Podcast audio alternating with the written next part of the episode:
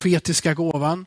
Och för en vecka sedan var det Marita. Jag har lyssnat på båda undervisningarna. De finns ju att, att titta och lyssna på på hemsidan och på Facebook.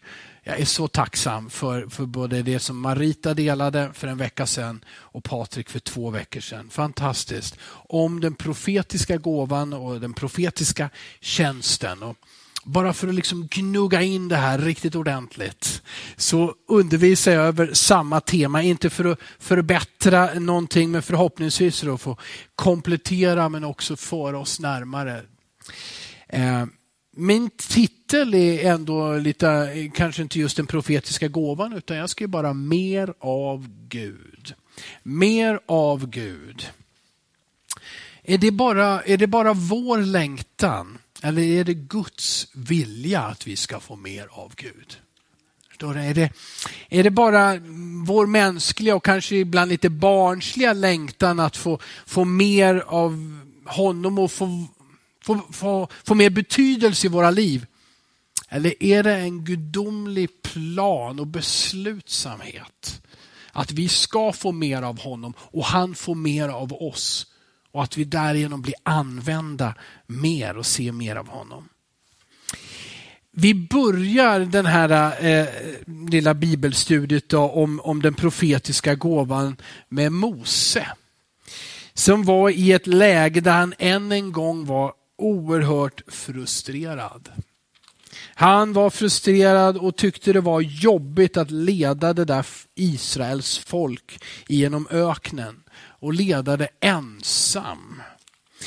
Och Trots att han var frustrerad, så det han säger är ändå djupt profetiskt. Eh, det är, är, är så starkt. Det här är ju uttåget ur, ur, ur Egypten beräknas till 1446 före Kristus. Alltså 1446 före Kristus. Så riktigt i uppfyllelse går det inte förrän pingstdagen år 33, så det är 1446 plus 33, för att komma. Ja, ibland får Guds folk vänta länge på uppfyllelsen. I det här fallet så talar vi nästan 1500 år. Ah, det är inte så uppmuntrande när vi har en längtan att få svar nu. Eh, men det är fantastiskt, det är, det är omvälvande att se hur Gud genom hela mänskligheten, generation för generation, arbetar mot det mål som han har. Människors frälsning. Eh, det här är fjärde Moseboken kapitel 11. Fjärde Moseboken kapitel 11 och som sagt då, Moses är frustrerad. Och Varför är han det? Jo, folket är hungrigt, de klagar. De har fått bröd från himlen, men nu tycker de inte att det duger längre. De drömmer om meloner och vitlök och andra sorters lökar. Purjolök står det. Allt möjligt drömmer de om, för det hade de i Egypten. Nu har de bara detta eländiga mannabröd sex dagar i veckan och tycker att det är tråkigt. De vill ha också kött.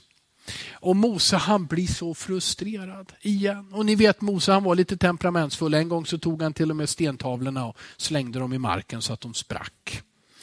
Denne Mose, han var så mänsklig och så ändå så talar Gud så klart igenom honom. Och Josua kommer till honom och Josua han är också lite hetlevrad. Josua var ju liksom lärjunge till Mose. Han fick lära sig och tränas i, i ledarskap som skulle komma. Han, han eh, var också trött på folket. Ehm, men Mose säger då i eh, kapitel 11 i fjärde Mosebok, vers 29. Jag läser andra hälften av versen. Om ändå hela Herrens folk blev profeter genom att Herren lät sin ande komma över dem. Vad är det som har hänt? Gud har talat till Mose, du ska inte bära den här bördan själv. Ta 70 stycken av de äldste i folket och samla dem. Och så ska jag ta av den ande som är över dig Mose och lägga på dem. Och det här sker. De samlas Vi får senare reda på att det är inte 70 stycken utan bara 68. För två lyssnade inte på Mose, de kom inte ens.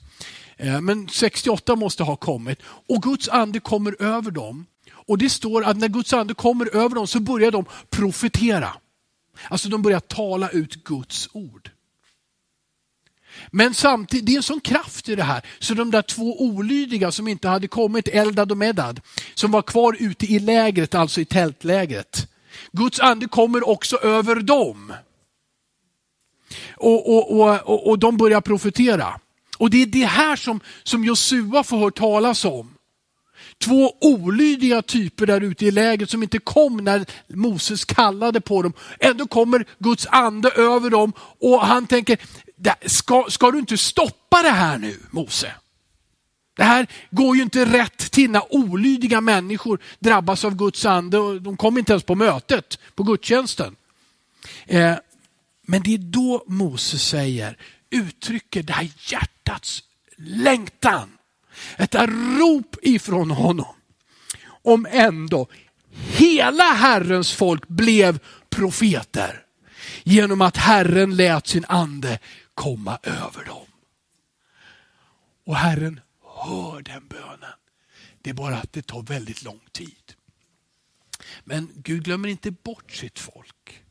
Så genom profeten Joel vill Gud påminna om, eller kanske bekräfta, det här är ju många hundra år senare. Jag arbetar för detta ska ske. Och då är vi till den välkända profetian, men jag läser den ur Joels bok kapitel 2 eh, och, eh, och vers 28 och 29. Där Joel har detta profetiska budskap om framtiden, om den messianska tiden, när Messias ska komma. Och det står i versen 28. Och det ska ske därefter att jag utgjuter min ande över allt kött över alla människor. Precis det som Mose hade bett om, eller Mose hade bara sagt i en längtan. Era söner och era döttrar ska profetera. Era gamla ska ha drömmar och era unga ska se syner. Ja, över tjänare och tjänarinnor ska jag i de dagarna utgjuta min ande. Över allt kött. Vad skulle de göra människorna när Guds ande kommer över dem? De skulle profetera. De skulle ha drömmar och de skulle se syner. Och versen 32 är också välkänd, citeras också i Nya Testamentet. Där står det, och det ska ske att var och en som åkallar Herrens namn ska bli frälst. Där ser vi att anden, den, den är, verkar eller arbetar både i, i det att vi blir frälsta, men också i detta att vi profeterar, drömmer, ser syner. Anden, vi ser redan i gamla testamentet att anden gör dessa båda saker. Vi ska titta lite mer på det i vad nya testamentet Eh, säger om det här, eller fördjupar den här undervisningen. Att den heliga ande är den som föder oss på nytt. Men den heliga ande är också den som ger oss kraft förtjänst och att vi behöver och får ta emot både och. Eh, alltså, den heliga ande gör ju frälsningen till en realitet i vårt inre. Man skulle kunna säga så att frälsning är ett resultat av det som naturligtvis Luther också sa, sa bara nåd. Okay? Det är ett resultat av Guds nåd, oförtjänt så förlåter Gud oss våra synder. Men för att frälsningen ska bli en verklighet så behövs det bemötas av tro. Vi måste ta emot i tro det som Gud ger som gåva. Men det tredje är också att Guds ande i vårt inre gör det här till en verklighet. Det är Guds ande, säger Jesus till Nikodemus, som föder oss på nytt. Gör ett mirakel. Eh, Paulus kallar det för att vi blir till en ny skapelse. Johannes betonar att var och en som tar emot honom blir Guds barn. Vi var inte Guds barn, vi var till och med Guds fiender. Men plötsligt så blir vi Guds barn. Vi var någonting, men nu är vi en ny skapelse. Inte, inte polerad och reparerad, utan en ny skapelse. Nu har vi blivit födda på nytt. Och det menar Jesus så, så allvarligt, så tydligt att, att, att Nikodemus tänker att det handlar om en, en, en, en fysisk, mänsklig födelse en gång till. Och han funderar på om han ska gå in i sin mamma igen och det, det blir väldigt konstigt. Det men, men det är väl naturligt att han tänker så. Men Jesus, det är så nytt det jag gör i era hjärtan genom anden. Så du ser hur Guds nåd, vår tro och den heliga ande i våra hjärtan gör att vi blir frälsta.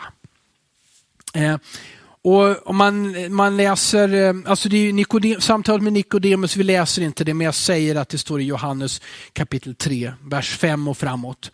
Eh, du har också eh, i Johannes kapitel 16 och vers 8 så står det också om anden, hur den övertygar oss, eh, överbevisar världen om synd, om rättfärdighet och om dom. Det vill säga den heliga ande det drar oss också till Gud, till att tro på Jesus, till att förstå, jag har synd. Men också till att förstå, förstå att jag, det finns en rättfärdighet som vi får igenom Jesus Kristus och Gud kommer att döma synden. Det här är ingenting vi tar oss utan det är den heliga ande som verkar i vårt inre. Allt för att vi ska bli frälsta, för att vi ska lägga våra liv i hans händer. Och I Johannes 20 och 21 så kommer Jesus efter att han har dött på korset, efter uppståndelsen kommer han in i ett rum den där kvällen och där sitter de samlade lärjungarna. De elva och kanske några till. Han sa till dem, frid vare med er. Som Fadern har sänt mig sänder jag er. Sedan han sagt detta andades han på dem och sa, ta emot den helige ande. Om ni förlåter någon hans synder så är de förlåtna. Om ni binder någon i hans synder så är han bunden. Vi ser att anden ger frid. Anden ger liv eller livsande. Han blåser på dem, andas på dem. Anden ger förlåtelse, att förlåtelsen blir en verklighet. Vi ska inte vara bunden utan anden ger befrielse, befriar en människa. Han frälser oss. Jag tror personligen att de elva, det var där de blev frälsta. Det tror jag. De hade trott på Jesus, de hade följt honom i flera år. Men nu hade Jesus verkligen dött på korset för deras och allas synder. Nu hade han uppstått och den kvällen när han möter dem så tror jag att där blir frälsningen en realitet genom Guds ande i deras liv. Men det här är som sagt och det är det första som anden gör i våra liv när vi blir frälsta. Det andra är att han fyller oss, han döper oss som det står för att vadå, ge oss kraft att vara vittnen. Och Det är det som sker på, på, på, på pingstdagen och som man som pingstpastor älskar att läsa om och om igen. Och Då står det i kapitel 2, Apostlagärningarna 2, 1-4. När pingstdagen kom var de alla samlade. Det är för det första väldigt bra. De var alla samlade. Eller hur? Eh, då hör, och, och, vi vet ju när vi läser innan att de hade varit i bön i tio dagar. Så det var ett bönemöte i tio dagar. De läste skriften. Så det var bön och bibelläsning i tio dagar. De var alla samlade. Det här, då, det, då trivs Guds ande. Då hördes plötsligt från himlen ett dån. Som när en våldsam storm drar fram och fyllde hela huset där de satt. Tungor som av eld visade sig för dem och fördelade sig och satte sig på var och en av dem. Alla uppfylldes av den heliga ande och började tala främmande språk allt eftersom anden ingav dem att tala. Och vers 11 berättar vad de sa på dessa språk. Det står att vi hör dem tala på våra egna språk om Guds väldiga gärningar. De talade ut Guds ord, de profeterade. De talade i tungor och de profeterade så att människor förstod. Och vi, vi läser flera gånger i Apostlagärningarna om tungotal och profetia när den heliga ande kommer över människor. Det är alltså tecken på att en människa har blivit fylld med den heliga ande, blivit döpt i den heliga ande. Det är ett, ett nytt språk, ett bönespråk, ett tungotal.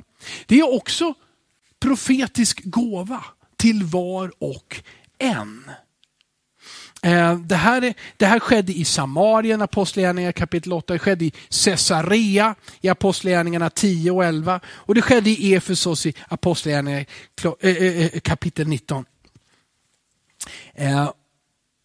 Två andra tecken som vi också ser i det här sammanhanget, det, det står i kapitel 4 och 31 att de, om frimodig förkunnelse. Och Det stod i kapitel 8 när de sprides ut av förföljelsen så vittnade de överallt om vad Jesus hade gjort. Så ett tecken på och en, en resultat av dopet i den helige Ande är en frimodig förkunnelse av Guds ord och att uttala Guds ord. Och för att avsluta det här så vill jag säga att Paulus uttryckte i Korinthierbrevet samma bön som Mose hade gjort. Med sina ord och i sitt sammanhang. Om vi tittar på första Korinthierbrevet 14. När Mose hade bett om Herrens ande skulle komma över allt folk att de profeterade. Joel hade sagt att Guds ande ska utgjutas över alla män och kvinnor, unga och gamla. Fria och slavar, eller tjänare och tjänarinnor. Och då skriver Paulus så här, första Korinthierbrevet 14, vers 5. Jag vill gärna att ni alla talar tungomål, men ännu hellre att ni profeterar. Här är Paulus längtan för hela församlingen i Korint. Tala i tungor och ännu mer, profetera. Det här är inte Paulus längtan. Det är Guds viljas beslut. Det är inte bara den frustrerade Moses längtan att fler ska hjälpa till. Det är Guds viljas beslut att män och kvinnor, unga och gamla, ska tjäna honom när den heliga ande kommer över dem och de får kraft. Det här är inte bara en, en känsla, jag vill vara, ha betydelse, jag vill vara använd.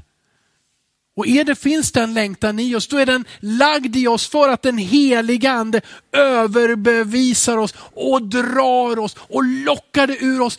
Kom, kom till Gud och tjäna honom och bli använd utav honom.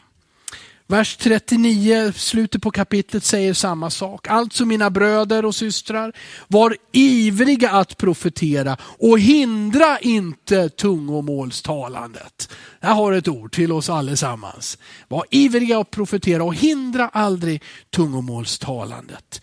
Sen lägger han till, men låt allt ske värdigt och med ordning. Och det är väl bra i Guds församling.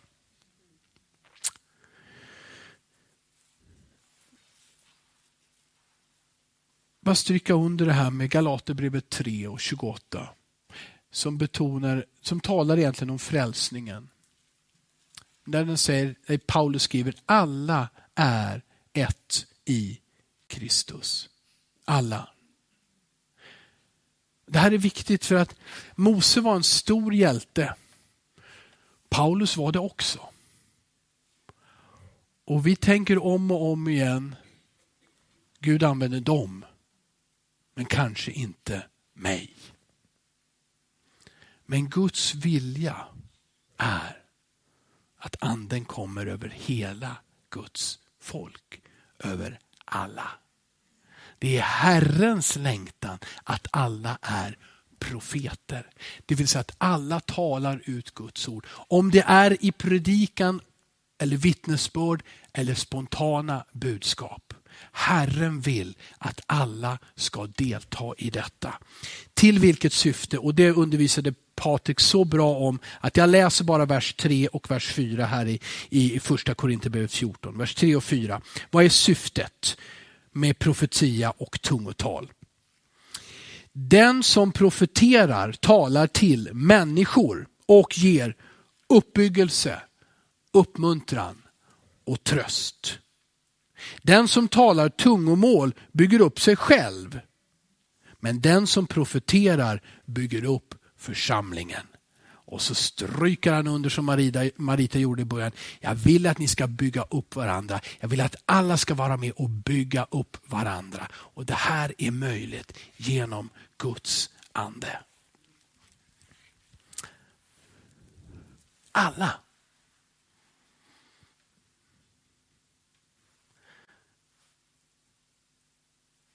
Men vi behöver vara måna om den renhet som Jesus har gett oss genom sitt blod. Det ska inte blandas upp med någonting annat. För du och jag är människor. Och det finns många mänskliga tankar och känslor i oss. Och det finns ibland också en vilja i oss som inte motsvarar det som Gud vill. Och Jakobsbrevet skriver tydligt och klart om vad, vad, hur det är med, med att, att skvallra och, och klaga och tala illa om andra. Alltså det, ur en och samma källa kan det inte komma bittert och sött vatten. Det måste vara bittert eller sött. Och det ska inte vara så hos er att det kommer bittert vatten genom orättfärdig kritik, klagomål och gnällande. Vi ska vara måna om den renhet vi får av Jesus Kristus. Men alla ska bli använda. Det står också i Jesaja 42.8. Herren säger, jag delar inte min ära med någon. De gåvor vi får, de tillfällen där vi blir använda, vi ska glädja oss över dem, men de är aldrig till vår egen ära. Herren tillåter det inte, han delar det inte. Nu är det inte så som Jakob och Johannes önskade att alla som inte tror på Gud, där faller en blixt och de brinner upp och så vidare. Och Herren kommer inte att slå till dig eller stöta bort dig. Men det är ändå ur ett rent hjärta en längtan. Jag vill leva rent för dig Herre. Jag vill inte blanda. Jag vill våga tro att när jag delar någonting med min broder eller syster så är det inte bara mina fantasier och idéer. Och det är absolut inte för att jag ska framstå som om jag vore bra, utan du Herre ska få all ära och det ska ske i renhet. Men löftet gäller alla människor. Löftet om frälsning gäller alla människor. Löftet om dopet i den helige gäller alla människor. Att få, få ta emot tungotal och profetiskt tal för att vara med och bygga upp hela Guds församlingen. Det gäller dig. Amen. Och nu ska vi, har jag lovat, och nu ska vi, nu ska vi få öva i det här idag. Och det tycker jag är spännande. Och det är, det är naturligtvis frivilligt. Men eh, jag tror att vi, jag ska alldeles strax bara ska be en bön. Det är väl bra att börja på det sättet. För det är faktiskt så här att profetisk gåva, profetiskt tal förekommer väldigt ofta just i bönen och i gudstjänster i förbönen för andra människor. Väldigt vanligt att just där ger Gud den här gåvan. För att det ska ju bygga upp någon annan. Så därför så får vi inte så många profetiska tilltal när vi sitter ensamma, om det inte är för att Herren sänder oss till en annan människa. Men så det, det sker alltid i, i mötet med andra människor, i gudstjänst, i bön. Så då är det väl bra att vara tillsammans, det är vi ikväll, och så är det bra att be. Be, lyssna, dela och ge bekräftelse. Och det här, De här fyra sakerna är alla viktiga. Som sagt, jag har redan sagt bön, att be. Men också att samtidigt lyssna till Herren. Herre, eh, vad vill du ge? Eller vad är det du gör? I den här människans liv. Och låt mig stjäla lite grann av Patriks undervisning där. där han sa också så tydligt att i gamla testamentet så var profetiska budskap ofta eller nästan uteslutande om framtiden. Det ska ske, jag ska göra, ni ska komma. Ja, det var, handlade om framtiden väldigt ofta. I Nya Testamentet så är det uppmuntran, uppbyggelse och tröst som framför allt sker genom den profetiska gåvan. Inte så mycket att tala om för dig att du ska studera där och du ska göra det och du ska gifta dig med henne och, så vidare. inte så mycket, utan en, en uppmuntran, en uppbyggelse och en tröst. Och Det betyder att det profetiska kommer in, blir ett svar på frågan, vad gör Gud i ditt liv just nu? Vad är det den heliga ande arbetar med i dig? Den livssituationen som du står i och som frustrerar dig. Men vad är det Gud vill lära dig just där? Vad är det han för dig igenom? Och därför så blir bönen men också det här lyssnandet när du ber för en annan människa. Herre, vi är två människor här men du är också här. Vad är det du ser och du vet att min bror eller min syster som jag ber för just nu behöver? Vad är det för tröst? Vad är det för uppbyggelse? Vad är det för uppmuntran? Så vi ber och vi lyssnar. Sen måste vi ju dela. Det går ju inte att inte dela, då når det ju inte fram. Och ibland är vi stressade av det här eller nervösa, känner oss osäkra. Men om vi inte delar det, då, då vet vi inte. Det blir ingen välsignelse av det. Det måste ges vidare. Eh, och där är sen, det fjärde bekräftelsen, tror jag väldigt viktig för att du och jag ska växa i det här. Eh, Guds ord är ju så här, pröva allt och behåll det goda, eller hur? Pröva allt och behåll det goda. Fattar du inte allt som sägs i profetiskt budskap så behöver kanske inte fundera så jättemycket mer över det. Du ber en runda och sen så får du liksom lägga det. Okej, okay, jag förstod inte riktigt vad det var du sa, men men det var någonting där som jag, det kändes som om det var från Herren. Ja men ta det, pröva allt, behåll det goda. Eh, och i, i Nya Testamentet så stenar vi ingen som profeterar heller. Förstår ni?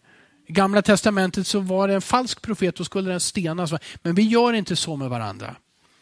Men, men om du säger någonting och jag tycker att en tredjedel känns som från Herren och två tredjedelar vet jag inte, det var väl pizzan du hade ätit eller det var, du, du, ville mig, du ville mig väl på något sätt då låter jag det stå. Okej? Okay? För du är människa och jag är människa och den, vår kunskap är ett styckverk, säger Paulus i samma sammanhang. Men den här bekräftelsen, att du som får ta emot någonting också säger Marita, det som du sa i det ögonblicket, det var precis vad jag behövde. Då växer hon. Eller hur? Det här är jätteviktigt. Uppmuntra, uppmuntra varandra. Det står hela tiden uppmuntra, uppmuntra varandra. Så, så att, ja, tack, tack för att du kom och sa det där. Det var det jag behövde. Oj, då blir du också glad. Då är jag glad och så är du glad. Och så fort, och, och saken är den att Går jag hem och jag är förstörd, jag, tänker, jag, jag talade till församlingen och jag vet inte om någon lyssnade och det var någonting som gick fram. Då är man ju bara liksom, då har man någon sån här slags predikantdepression. Och det kan man få efter profetiska budskap också. Det var nog fel allt jag sa. Och det, då, då vill man ju inte predika nästa gång eller man vill inte ställa sig upp och ge ett budskap. Men har någon kommit och sagt tack för vad du delade. Från Guds hjärta. Ja, för mig då går man och Jesus, jag vill ha mer av det där. Jag vill ha mer sådana ord och mer sådana hälsningar. Använd mig mer, vad härligt. Du, du tänker närmare Gud, vad underbart. Mer av dig, precis som mitt budskap är närmare honom, mer av honom. Vi behöver det, amen. Så hur gör vi det här praktiskt nu då? Det är frivilligt som sagt var. Men jag vill önskar att ni går i grupper om tre och tre. Ni får sitta eller stå, ni får välja som ni vill. Jag tänker inte tala om för vem som ska vara med vem. Det, det, det gör vi en annan gång. Om ni är väldigt olydiga ikväll så gör jag det nästa gång. Men nu, nu, nu söker ni själva tre och tre. Och Det är väl kanske bra om språkligt om det funkar någorlunda. Det är lättare i alla fall. eh, om ni har förståelse kring språket. Eh, och då önskar jag så här, när ni är tre stycken, då börjar, då är det en som får ta emot bön och förbön. Okej? Okay? Jag vill inte att du ska berätta vilken nöd du har och vad de ska be för. Utan du får bli välsignad. Den andra personen är den som ber. Okej? Okay? Ber för den första då som skulle få förbön. Och I princip så börjar med att bara välsigna. Bara välsigna. Du behöver inte tänka efter så mycket. Hur ska jag be? Utan du bara ber. Be en välsignelse över, över den människan. Och kommer du inte på något så då brukar jag säga så här att allt som du önskar för dig själv, börja be det för den andra. Eller hur? Ja, ge mycket pengar här. Nej men, nej, men jag menar allt som du önskar för dig själv, önska det för den andra. Be ut det, välsigna. Amen. Seriöst, eh, strunta i mina skämt, bara gör vad ni ska. Och, och, och den, den, den tredje personen står egentligen bredvid och behöver inte be så mycket. Du, du, visst kan du säga amen, men det är inte det, det viktiga. Utan du är där och så lyssnar du. Herre, säger du någonting nu? Kan jag dela någonting? Och så när den andra personen har slutat att be för den första, då har du som tredje person möjligheten att säga jag kom att tänka på den här bibelversen eller jag vill säga det här till dig. Jag vill lägga till det här till den här bönen som bads. Om du absolut inte tycker att du känner någonting eller får någonting, då behöver du inte säga någonting. Man är, man är fri också i pingstkyrkan att tiga. Okej? Okay? Ja, ha ingenting. Nej, okej. Okay.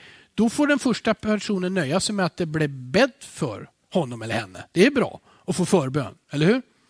Men det finns den här möjligheten. Och om den tredje personen ändå säger någonting, då vill jag be den första, den som fick förbön, att säga vad är det som sägs? Skulle du ta emot som ett ord ifrån Herren? Okej? Okay? Och Har ni förstått hur jag menade den här tre stycken?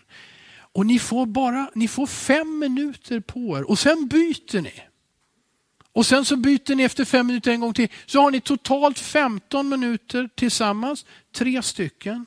Vill att alla ska få förbön. Alla ska få möjligheten att ge en hälsning, eller en uppmuntran, ett ord av tröst. Behöver inte, kom ihåg, det kanske jag ska lägga till. Det är inte så att varje gång som anden kommer så är det ett ljud av en stormvind och det är eldslågor. Utan du känner för din broder och syster och du säger, ja men jag vill uppmuntra dig med det här. Eller ett ord av tröst. Säg det som, bara våga säga det som känns så mänskligt. Och så låter vi personen som fick förbön bekräfta och säga om det var någonting som passade in på situationen och nöden. Vad spännande det här ska bli. Nu så gör vi så här. Så jag kommer om fem minuter kommer jag säga till, nu, nu byter ni, nu ber ni för nästa person. Okej? Okay? Så att um,